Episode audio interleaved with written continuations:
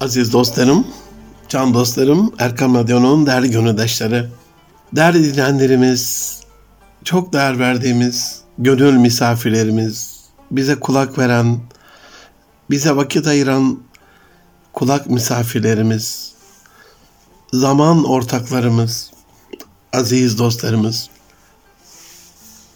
Hepinizi sevgiyle, saygıyla selamlıyorum. Yine Konya'dayız. Bir Türkiye turundayız, turnesindeyiz biliyorsunuz. Payitahttan Taht ve Bah şehri Konya'dan Selçuklu'nun bu muazzam Bah şehrinden sizi selamlıyorum. Hepinize hayırlı günler diliyorum aziz dostlarım. Erkam Radyo'da Münir Arıkan'la Nitelik İnsan programındasınız. 2020'nin 40. programındayız elhamdülillah. 41 kere maşallah diyelim. Programımızın 3. yılı. Nice 3.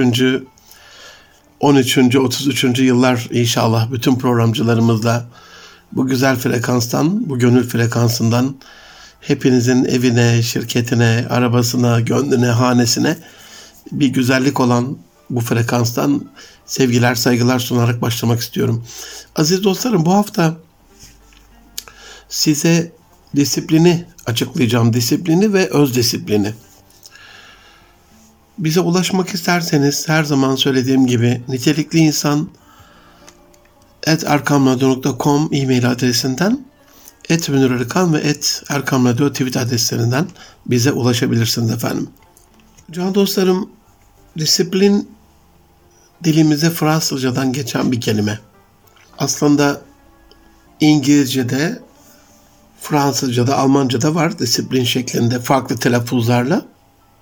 Latince öğretmek, terbiye etmek e, anlamındaki discipulus kelimesinden geçmiş onlara da.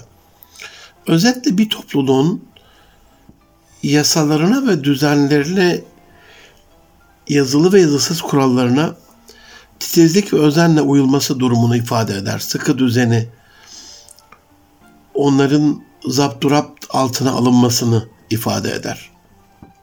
Disiplin aslında kişilerin içinde yaşadıkları topluluğun genel düşünce ve davranışlarına uymalarını sağlamak amacıyla alınan önlemlerin bütünüdür.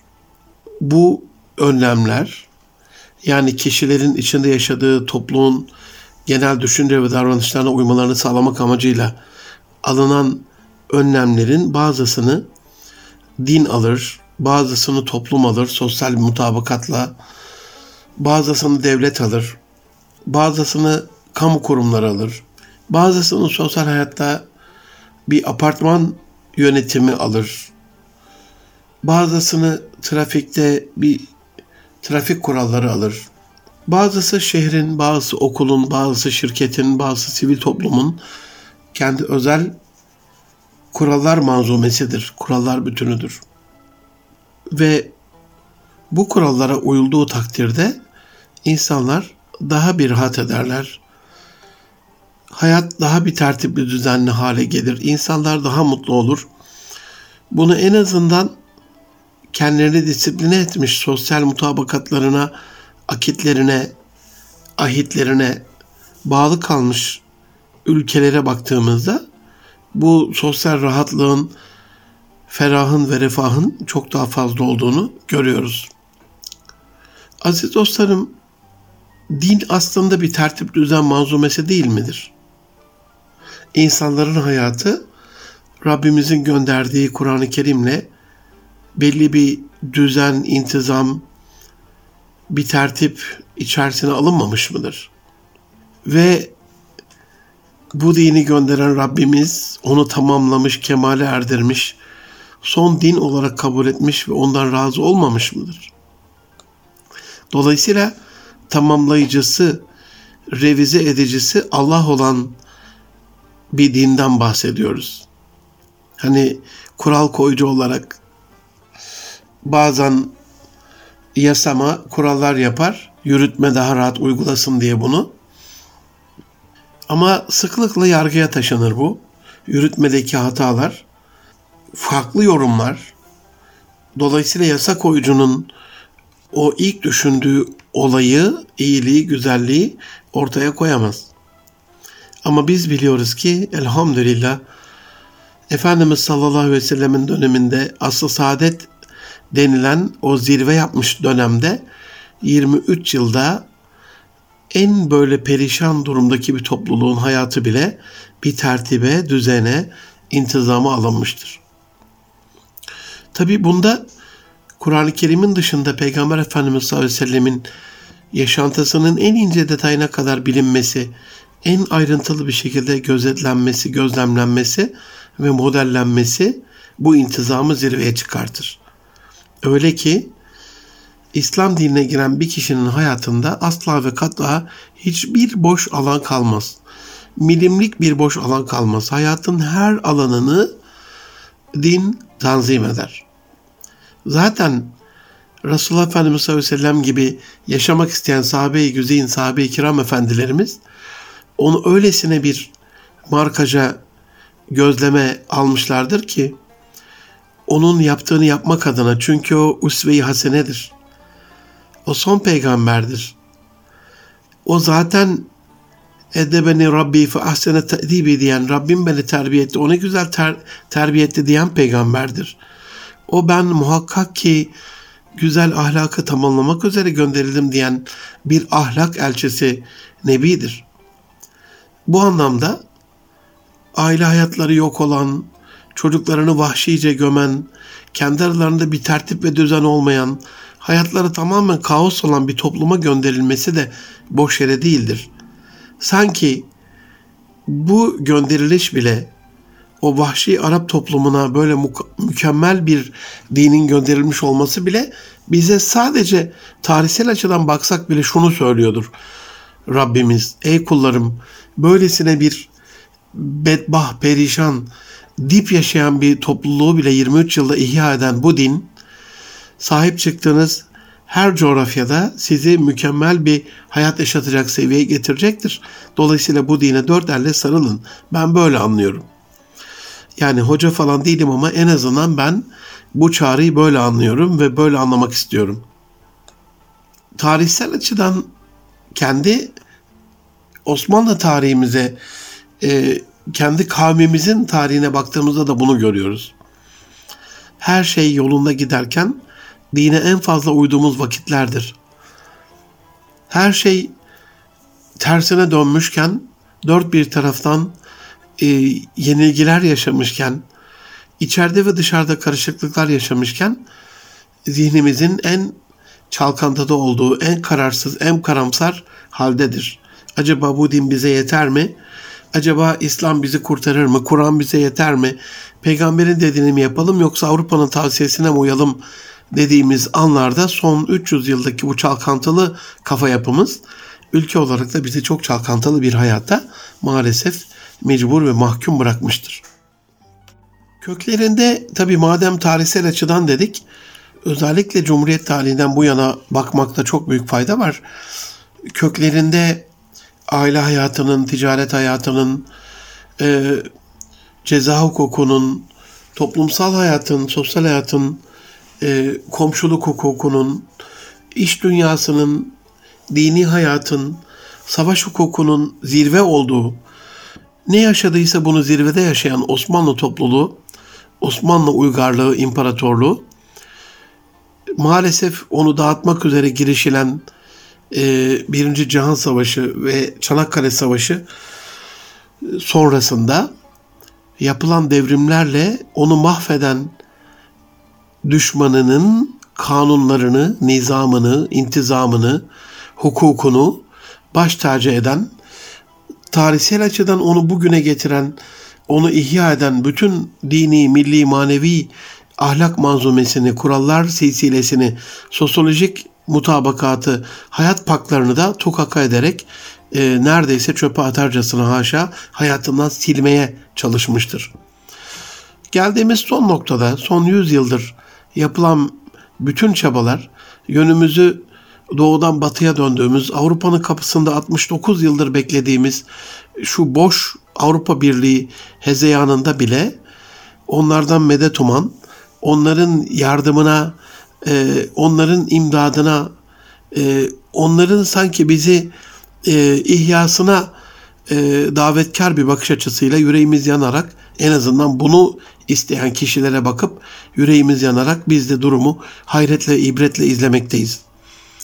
En son Doğu Akdeniz haklı davamızda Fransa'nın Yunanistan'la bir olup e, Navtek ilan ettiğimiz alanların yakınlarına savaş gemisini, uçak gemisini gönderme cüreti Almanya'nın yine Yunanistan'ın yanında olması, Amerika'nın Yunanistan'ın yanında olması, en son yaşadığımız Azerbaycan'a saldıran, alçakça saldırılarda bulunan Ermenistan'ın sanki Dağlık Karabağ işgal etmemiş, bir günde yüzlerce yavruyu katletmemişçesine masumları oynayarak e, dünyayı aldatma çabası aslında dünyanın aldatıldığını değil, e, ahlaksızlığını e, ortaya koyuyor. Aziz dostlarım, tertipten, düzenden, disiplinden bahsediyoruz. Kur'an-ı Kerim bundan sıklıkla bahseder. Ne zaman böyle e, dünyayı fesada çevirseler, yeryüzünü mahvetseler, ya biz ıslah edeceğiz diyen e, bir bedbah bir kavim türer. Şu anda olduğu gibi.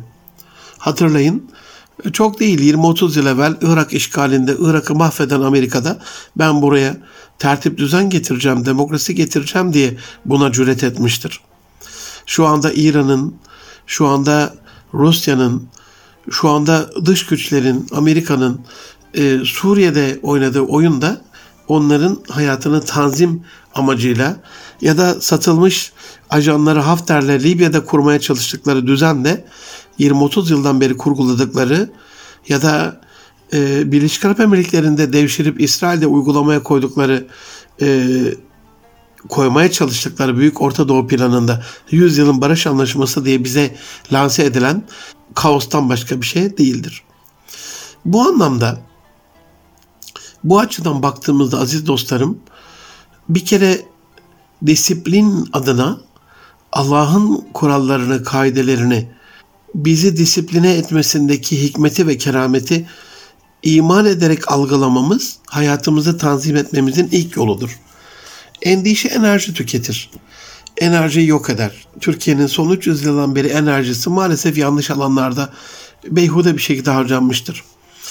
Eğer biz hayatımızın en güzel şekilde tanzimini, tertibini, düzenini, imarını, ıslahını istiyorsak ki istiyoruz o zaman Rabbimizin bizi disipline etme şekline ki neyledir o? Kur'an-ı Kerim göndermiştir. Onu Habibi Kibriyasına Peygamber Efendimiz sallallahu aleyhi ve selleme göndermiştir. Onun yaşantısıyla, onun sünneti seniyesiyle bizi ihya etmiştir. Buna uyduğumuz takdirde dünya ve ahiretimizin mamur olacağına inanmak bu disiplinin ilk adımıdır.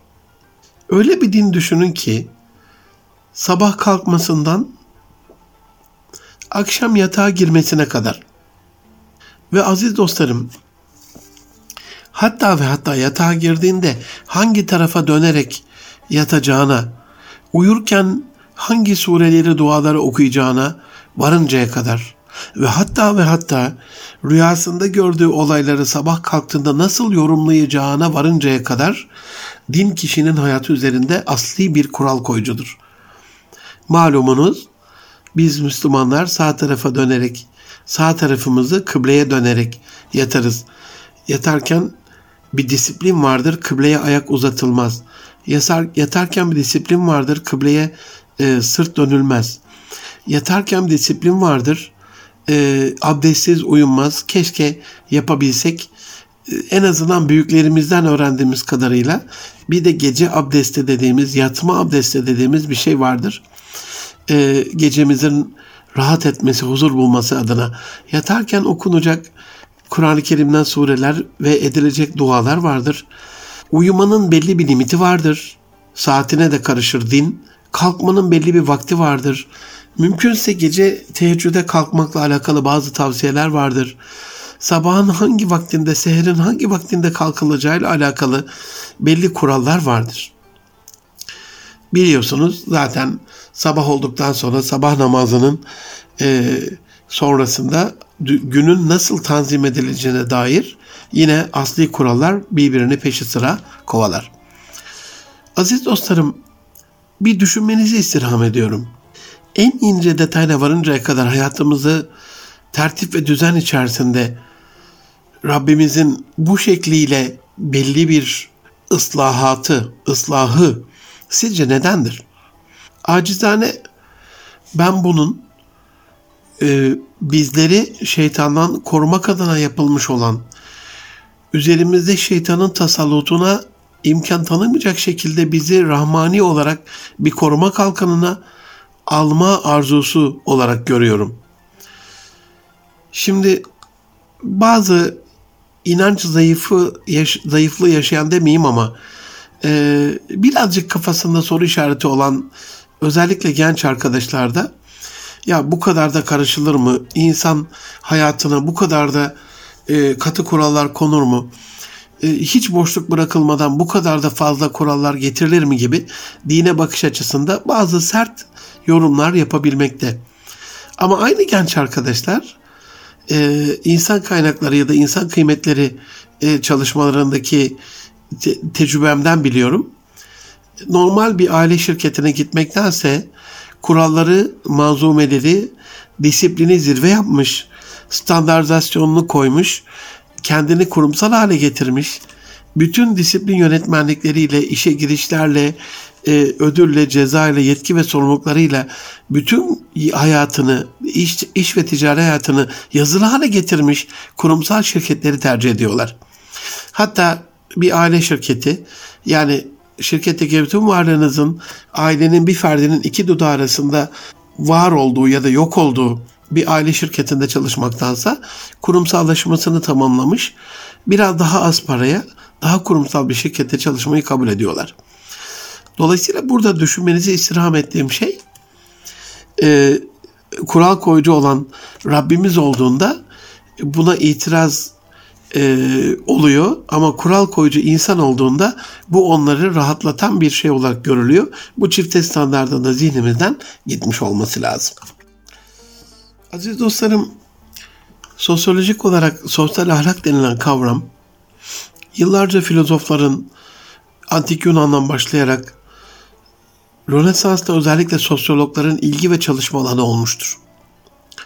Çünkü biliyorsunuz disiplinin zıddı, tertibin, düzenin, e, kuralların zıddı kaostur. Ve kaos şeytanın en sevdiği kavramdır.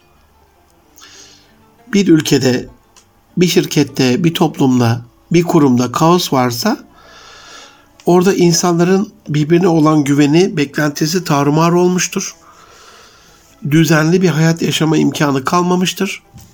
Halbuki din bir düzenler manzumesidir.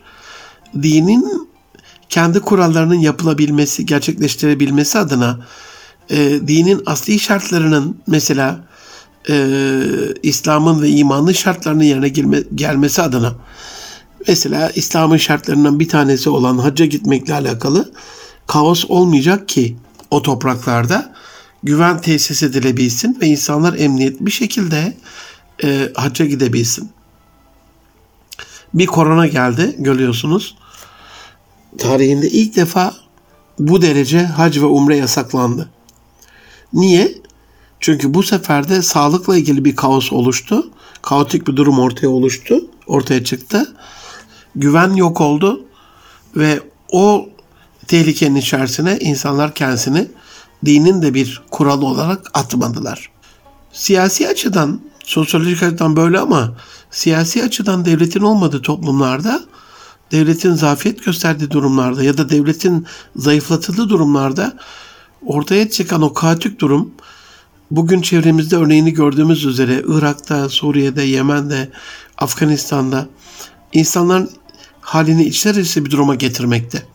Dolayısıyla bile bile lades olmasın aziz dostlarım bir ülkede devletin zafiyet gösterdiği durum içerisinde mal, can ve namus emniyeti olmuyor.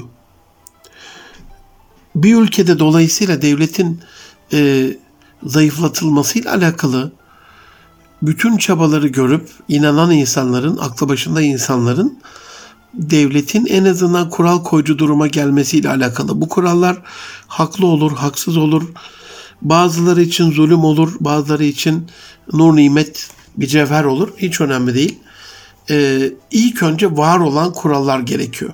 Ha bunun e, insana, İslam'a, hürriyete uymadığı durumlarda ıslahı daha kolaydır.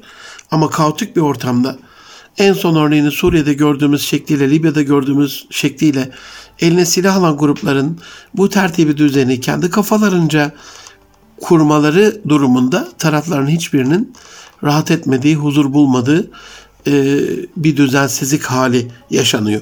Yani bile bile ladese hiç gerek yok. Aklın yolu bir, devletin var olması gerekiyor. Sosyolojik açıdan insanların otomatikman kabul ettiği bir sosyal mutabakat vardır. Bir sosyal akt veya da pakt vardır. Bir akit vardır. Bu mutabakat toplumlarda ben böyle davranıyorum, senden de aynısını yapmanı bekliyorum aktidir. Mesela bunu Batı toplumlarında e, çok görürsünüz. Bu birçok humanist eylem bu karşılıklı beklentilerin tezahürüdür Batı toplumunda. Batı toplumu mesela çöpünü e, ayrıştırarak atar. Çünkü komşusunu da öyle atmasını bekler. Çöpünü farklı çöp kutularına atmaz. Camı cam kutusuna atar, kağıdı kağıt kutusuna atar, plastiği plastik kutusuna atar, organiği organik kutusuna atar. E, civa falan bu tarz şeyleri olan pilleri ayrı bir kutuya atar. Yağı lavaboya dökmez, biriktirir. Onu ayrı bir şekilde toplar. Dolayısıyla bunu yaparken ben bunu yapıyorum, siz de bunu yapın beklentisi vardır. Yol verir mesela, ben size yol veriyorum. Dolayısıyla benim istediğim bir durumda da sizin bana yol vermenizi bekliyorum e, mutabakatı vardır. Tabi bunu eğitimle de desteklerler. İyi de öldürmeyelim, hakkında yemeyelim.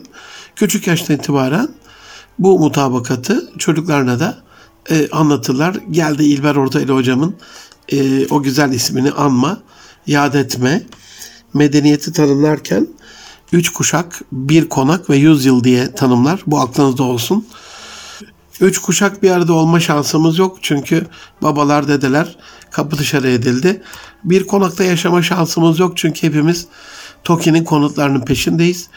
E, 100 yıl derken de maalesef 3-5 yıllık müktesebatımızla 3-5 yılda bir biriktirdiğimiz ve tekrar sıfırladığımız e, bir hayat tarzında yuvarlanıp gidiyoruz. Osmanlı'da üç göç bir ölümmüş. Üç göç bir ölüm. Bunu hiç unutmayın. Ee, bunu ben bir dönem yorgunluk olarak anlamıştım. İnsanların hani göçerken bir yere taşınırken, şimdi yeni nesil göçten de anlamayabilir. Bir yerden bir yere taşınırken yaşadığı o zorluk olarak algılamıştım. Daha sonra derinlemesine düşününce çünkü Osmanlı'nın atasözlerinde çok keskin damıtılmış özlü bilgiler vardır. Büyük bir tecrübe vardır. Yüzyıllarca yıllık bir birikim, binlerce yıllık bir birikim vardır. Üç göç, bir ölüm, üç göç, bir ölüm düşüne düşüne en sonunda bunun e, kültürel bir ölüm olduğunu, ailevi bir ölüm olduğunu, e, sosyal bir ölüm olduğunu anladım. Çünkü orada biriktirdiğiniz e, komşularınızla bir sosyal hukukunuz oluşuyor ailenizle yaşadığınız yerde bir aile hukuku oluşuyor. Bir kültürel mirasınız oluşuyor. Göçtüğünüz zaman o, o yerle alakalı bütün anılar siliniyor. O kişilerle ilgili, e, komşulukla ilgili bütün hukuk bitiyor. Dolayısıyla böyle bir kültürel ölüm de aynı zamanda oluyor aziz dostlarım. Aziz dostlarım bu dönem içerisinde neden bir disiplin ve öz disiplin konusuyla sizlerin karşısındayım? ulus devletin uluslararası büyük bir gücün kontrolüne verilmek istendiği, dünyanın tek bir güç tarafından yönetilmesinin gündeme getirildiği günümüz korona ve COVID-19 günlerinde zayıflayan devlet idaresinin yerine eğer biz kişisel disiplini, öz disiplini koyamazsak ya da öz disiplini bunun karşısında yükseltemezsek ya da kendi kendimizi disipline edemezsek durum çok da vahim bir duruma e, gelecek ve vahim bir hal alacaktır. Çünkü okuduğumuz makalelerde, yapılan yorumlarda, çıkan haberlerde özellikle küresel sermaye e, sahiplerinin ya işte ulus devletlerin bazı erkleri, bazı yetkileri elinden alınsın, daha hızlı eylem yapmak adına, e, daha hızlı bir irade ortaya koymak adına tek devletten bir yönetim olsun diye saçma sapan bir e, idealin peşinde koştuklarını biliyorum. Twitter'dan da zaman zaman bunun da aykırı e, buna muhalif görüşlerimi beyan ediyorum. E, bir kere hani Birleşmiş Milletler var. Onun bile üstünde bir e, kurum düşünülüyor. Allah muhafaza. Birleşmiş Milletler'in şu ana kadar başardığı bir şey yok ki e, bir de onun yerine ondan daha üst bir durumda bir şey kabul edip olmayacak duaya amin diyelim. Bu anlamda e, sizden istirhamım olan bütün olayların e, büyük bir küresel güç tarafından planlandığını, e, onların bir şeyler yapma çabasında olduğunu sizin de hissetmeniz. Bunu hissederseniz kişisel olarak disiplininizi geliştirebilirsiniz. E, kişisel disipline kastım ne? Aziz dostlarım soruyorum seminerlerde. Arkadaşlar diyorum kendini, insanın kendini geliştirmesi önemli midir? Hiç bugüne kadar hayır cevabı almadım. Peki 9 ayı bitti şu anda. Bugün itibariyle. Bugüne kadar 9. ayı da bitmiş bir korona yılında. Bu yıla korona yılı diyelim. Hani Araplar ve Çinliler her yıla bir isim veriyorlar ya. Herhalde bu yılda 2020 korona yılı olarak ifade edilecektir. Afetler yılı olarak ifade edilecektir. Ee, bir kitap okudunuz mu diyorum. Kendinizi geliştirecek bir şey yaptınız mı? İnanın aldığım cevaplar solda sıfır.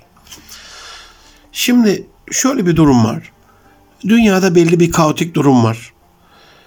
Uyanlar, uymayanlar, özellikle Fransa'da sarı yelekliler, e, Amerika'da George Floyd gösterileri, hala devam eden zenci katliamı, soykırımı, ortaya çıkan bazı devlet sırlarının bilinçli bir devlet eliyle yapılan soykırımın işlendiğine dair bilgileri güçlendiriyor. Dolayısıyla küresel anlamda baktığınızda dünya çok rahat değil. Savaşlar, yöresel ya da yerel e, kavgalar, e, acılar, salgın, hastalıklar derken kişilerin öz disiplinini bir miktar geliştirdiği, ya korona var nasıl olsa bu, bu dönemde kitap mı okunur kardeşim? Vaktimiz yok. diye %90 insanların böyle dediği bir dönemde %5'lik onluk dilime giren bir insan olmak isterseniz size tavsiyem aziz dostlarım yaklaşık olarak söylüyorum tahmini olarak 12 hafta kaldı. Yani istirham ediyorum. Haftada bir kitap okusanız 12 kitap okumuş olursunuz. 2020 bir kitap bile okumayan %90'lık dilimin önünde sizin için finişe ulaşmış olur, bitmiş olur. Hayra dönmüş olur. Kişisel olarak kendinizi hangi alanlarda disipline edebileceğinizi, hangi alanlarda daha disiplinli, e, daha böyle bir kaderşinas bir şekilde çalışabileceğinizi yazılı olarak çalışmanızı istirham ederim. Uykuya dalışınızı, sabahleyin kalkışınızı, kişisel bakımınızı, kendi kişisel gelişiminizi planlamanızı isterim. Eğitim hayatına baktığımızda bütün öğrenci kardeşlerimden, bütün annelerden, babalardan istirham ediyorum. İnsanların öz disiplinini kaybettiği, çünkü buna yol açan da kurumsal anlamda disiplinin yerle yeksan olduğu, devlet disiplininin biraz zayıfladığı eğitim hayatından bahsediyorum. E, okullara gidiş yok. Milli Eğitim Bakanlığımızın disiplininin azaldığı, öğretmenlerin kontrol etme disiplininin neredeyse yok olduğu günümüz eğitim hayatında eğer öğrencilerimiz, eğer çocuklarınız, eğer bizi dinleyen gençlerimiz şu anda kendilerini birazcık daha iyi bir hale getirmek istiyorlarsa zaten %90'ı 95'i yatıyordur, uyanamıyordur, önemsemiyordur. Böyle large ve lalet tayin bir hayat yaşıyordur. Eğer onların bir adım önünde, iki adım önünde, 12 adım önünde olmak isterlerse birazcık hayatlarını disiplin altına alsınlar. Çalışmaları, etütleri, test çözmeleri, kendilerini geliştirmeleri e, biraz daha bunu ciddiye alsınlar. Öbürlerinin otomatikman önüne geçmiş olacaklar. İş hayatında da tam disiplin yılı aslında bu yıl. Bir korona ve Covid-19 yılından ziyade tam bir disiplin yılı. Eğer şirketler geçen bu 9 ayı zaten geçti hadi bir şekilde ama kalan 3 ay en azından Ekim, Kasım, Aralık olarak e, çok daha disiplinli bir şekilde planlarlarsa finişi çok daha rahat görürler. 2020'yi hayatlarına e, kayıp yılı değil bir kazanç yılı olarak katarlar. Dolayısıyla sizden istirhamım aziz dostlarım iş dünyasında beni dinleyen bütün can dostlarım şu anda e, hafta sonları, akşamları gün içerisinde mesai yetmiyorsa sabah erken gelerek akşam biraz geç çıkarak iş hayatında hangi alanları disiplin edebiliriz? Kendi kendimizi nasıl disiplin edebiliriz? Hangi alanlarda disiplin çok daha işimize yarar? Hangi alanlarda ne yapmalıyız konusunu hangi alanlarda tertip, düzen ve çeki düzen verebileceğimizle alakalı beyin fırtınası yapsanız bile bu sizin şirket hayatınızda bir artı olarak diğer şirketlerin çok önünde ipi gözlemenize vesile olacaktır. İş hayatında disipline her zamankinden çok daha fazla ihtiyacımız var. Çünkü bir takım arkadaşlarımız zaten uzaktan çalışıyorlar. Bir takım arkadaşlarımız zaten geç geliyorlar, erken çıkıyorlar.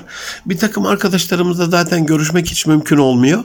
Yani biraz mesafenin, sosyal mesafenin arayı açtığı, ekip ruhunun, takımdaşlığın, iletişimin, e, birbirimizle hemhal olmanın, bir araya gelmenin biraz e, zorlaştığı bir iş dünyasında kişisel bir öz disipline çok daha fazla ihtiyacımız var.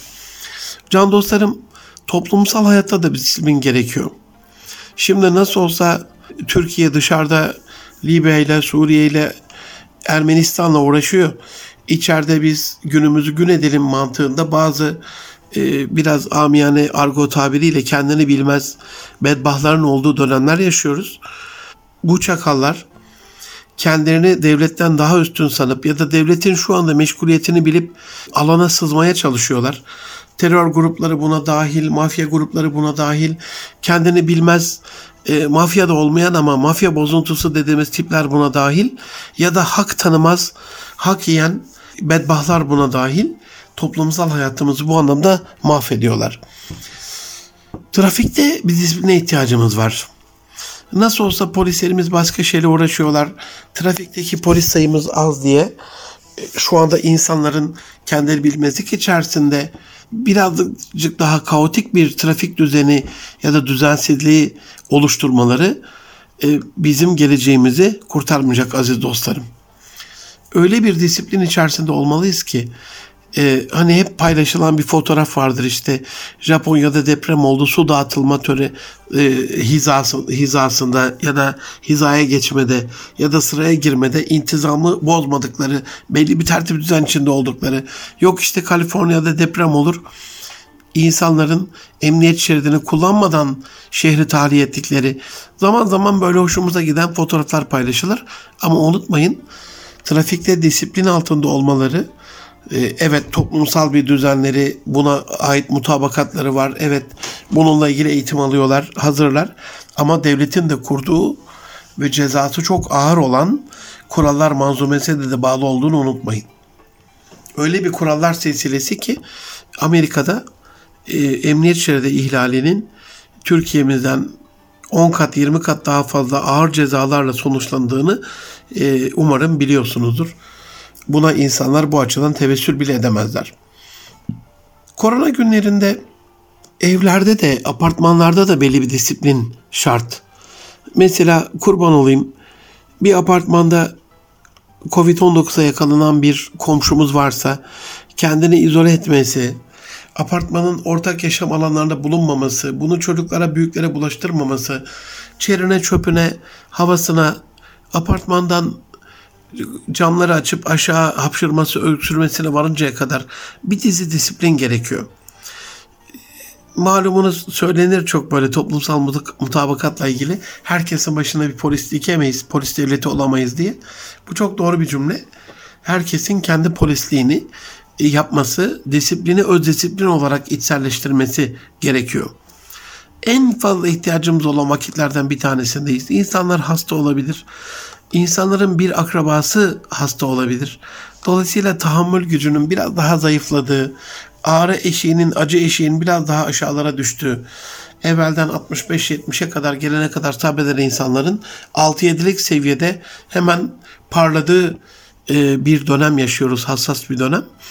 bu dönem içerisinde biz, bizim de insanlara zarar vermeden e, ortak yaşam alanlarında insanca bir disipline çekerek kendimize Yunus'un dediği gibi seni sigaya çeken bir Molla Kasım gelir diyor. Kendimiz o Molla Kasım tarafından sigaya çekilmeden evvel kendi kendimize sigaya çekerek, kendi kendimizle bir öz eleştiri yaparak adına da öz disiplin dediğimiz bir tertip düzen manzumesini hayatımıza katabilmeliyiz. Aziz dostlarım toplu taşımada bir disiplin gerekiyor.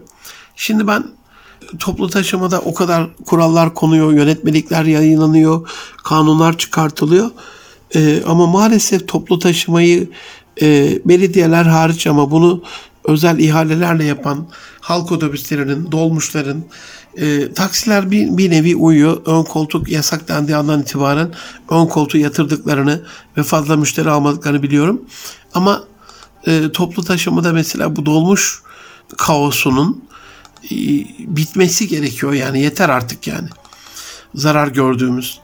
E, ya da belediyelerin biraz bu toplu taşımayla alakalı hatta sadece belediyelerin değil şehirler arası yolcu taşıma şirketlerinin, otobüs şirketlerinin ve hatta ve hatta medar iftiramız olan e, göz bebeğimiz Türk Hava Yolları'nın diğer hava yolu şirketlerimizin e, buna azami riayeti ve dikkat etmesi gerekiyor diye düşünüyorum.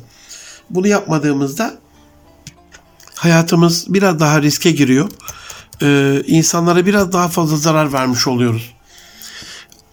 Baktık mesela bir dolmuşa el kaldırdık durdu. Baktık ki içinde olması gerekenden daha fazla e, yolcu var. Binmememiz gerekiyor. Ama hocam şimdi orada bekleyeceğiz o kadar.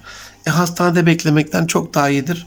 Açık havada e, rahat bir şekilde huzurla beklemek hastanede bir yakınımızın vefat haberini beklemekten ya da yoğun bakımdan çıkmasını beklemekten çok daha hayırlıdır. Aziz dostlarım alışverişlerimizde de bir disiplin gerekiyor. Öz disiplin. Mesela ben elhamdülillah böyle marketlerde özellikle büyük marketlerde eldiven görüp eğer bir kasa domatesin içinden domates alıyorsanız elinizin ona değmemesiyle alakalı bir eldiven giyip eldivenle onu almanız tek kullanımlık eldivenlerle yani çok hoşuma gidiyor bu hassasiyet.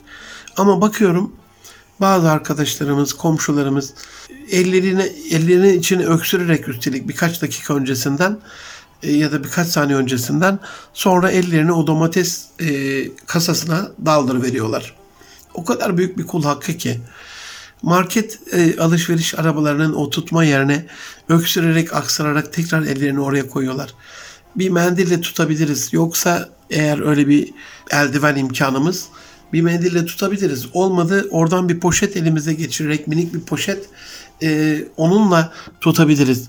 Yani bir insana zarar verdiğinizde bir insanın bir kayıp yaşamasına sebep olduğunuzda bunun vicdan azabı inanın bütün acıların üstündedir aziz dostlarım. Ne olursunuz böyle bir şey yapmayın. Hocam biraz paranoyak mı oluyoruz? Bu kadar disipline gerek var falan demeyin. Sosyal mekanlarda daha fazla kendinizi disipline edin. Eğlence yerlerinde görüyoruz absürt e, sapkın sapıkça fotoğraflar düşüyor. Plajlarda gece kulüpleri, barlar, pavyonlar inanılmaz yani. Sadece sigara içilen mekanlar bile inanılmaz. Çünkü doktorlarımız sigara dumanının bu Covid denilen e, virüsü taşımak için inanılmaz bir mümbit ortam oluşturduğunu ya da inanılmaz bir taşıyıcı araç olduğunu söylüyorlar. Bir taraftan bunu yapanlar bir de cami cemaatine laf atıyorlar. Yok Diyanet kapatılsın, yok camiler kapatılsın, yok bu hacılardan, hocalardan, umreye giden hacılardan bulaştı falan gibi hadsiz kendini bilmez laflar ediyorlar. Belli ki camiye yolları düşmüyor. En azından bir cuma günü bekleriz. Camilerimizi görsünler. Sosyal mesafeye nasıl uyulduğuyla alakalı, e, insanların buna ne kadar dikkat ettikleriyle alakalı, e, temizliğin zirvede olduğu, sosyal mesafenin en iyi uygulandığı, Covid-19 önlemleriyle ilgili en disipline edilmiş mekanlardan biri olduğunu size temin ederim camilerimizin. Tabii ki en vefakar, en cefakar, en kadirşinas disiplin örneği yine sağlıkçılarımızın. Onları minnetle yad ediyoruz. Ölmüşlerine rahmet diliyoruz. Rabbimizden mağfiret diliyoruz. Kendilerine sabrı cemil niyaz ediyoruz. Her zaman dualarımızda o güzel insanlar inanın yürek dayanır değil. Çocuklarını bile görmüyorlar. Gittiklerinde uzaktan el sallıyorlar. Kendi hayatları belli karantina içerisinde o sağlık çalışanlarımızın bu disiplini zaten Türkiye'nin uluslararası camiadaki başarısını ortaya koyuyor. Aziz dostlarım sonuçta biraz daha e, devlet otoritesinin zayıfladığı, devlet eliyle yapılması gereken, disiplin edilmesi gereken unsurların e, biraz daha zayıfladığı bir dönem yaşıyoruz. Söyledim işte e, toplu olarak bir yerde bulunmanın yasaklandığı e, bir dönem.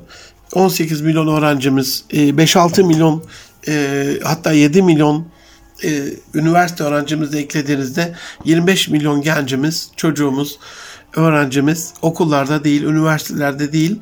Bu bile o kaotik ortam yaşamamızın en büyük göstergelerinden bir tanesi. E, yok onların üzerinde yetki sahibi olamıyor. Üniversite rektörlükleri, dekanlıklar, fakülteler, oradaki hocalarımız e, çocukları görmedikleri için onları disipline edemiyorlar, disiplin altına alamıyorlar. Bu dönem içerisinde bütün bunların disipline edilmesinin ailede olduğunu, aileyle olduğunu, disiplinin ailede başladığını ne olur ihmal etmeyin. Disiplin çocukluktan başlar. Çocukken disiplin edilemeyen çocuklar büyünce kaotik ortamın savunucusu olur. Anne babadan görmekle olur bu iş. Sonradan görmekle değil, ailece uygulamakla olur. Eğer kişisel disiplininizi yüksek tutarsanız bu dönem ilk %5'lik en iyiler grubuna girmeniz işten biri değildir. Özetle bunu söyleyerek programı bitirmek istiyorum.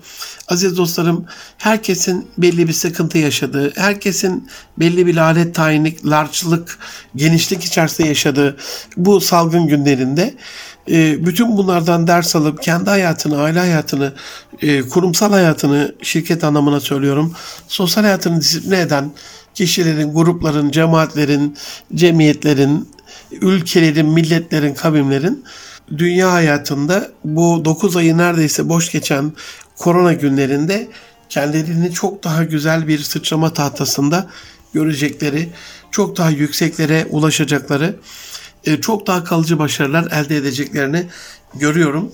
E, örnekleri var. Bunu sizi temin ederim. Sizin de böyle olmanızı istirham ediyorum. Bir örnekle bitireyim. Çocuğunuz var. Normalde okul vaktinde 8'de kalkıyordu. 8.30'da servise yetişiyordu. 9'da ee, okuldaydı. Akşam 3'e 4'e kadar orada belli bir disiplinle tertip düzen içerisinde derslerini alıyordu. Şimdi böyle bir imkan yok ama serviste geçen 2 saatlik zaman kazanıldı. Sabahleyin dolayısıyla 8'de e, kalkıp işte 9'da okulda olacak bir düzen yok. 7'de kalkıp 9'a kadar okulda varıncaya kadarki kısımda bile bir şeyler çalışılabilir.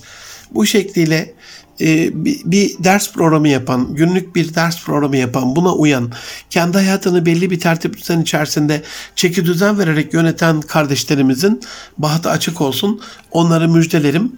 E, kendini koronanın salgınına kaptıran, e, ne yapacağı belli olmayan, o kaotik ka- kaos ortamı içerisinde de e, öz disiplinden de uzak olduğu için yapılması gerekli şeyleri ihmal ederek yapılması gerekli yapılması zevkli işler peşinde koşturan kardeşlerimizin de e, eyvah ki eyvah ileride çok pişman olacağını biliyorum. Can dostlarım kendinizden başlayarak aileniz, kurumunuz, sosyal hayatınız, toplumsal çevreniz, apartmanda arkadaş ve komşu çevreniz, ailede sülaleniz, bölgeniz ve ülkeniz olarak bu barış paktını, bu sosyal barışı, sosyal adaleti sağlamak adına sosyal mutabakatı tesis ettiğiniz, kendinizi ve bulunduğunuz çevreyi disiplin altına aldığınız, bunu da devlet olarak yaptığınız, bunu da alimlerle, bilgili insanlarla, bilge insanlarla birlikte başardığınız bir gelecek diliyorum. Gelecek hafta yeniden buluşuncaya kadar hoşçakalın. Allah'a emanet olun efendim.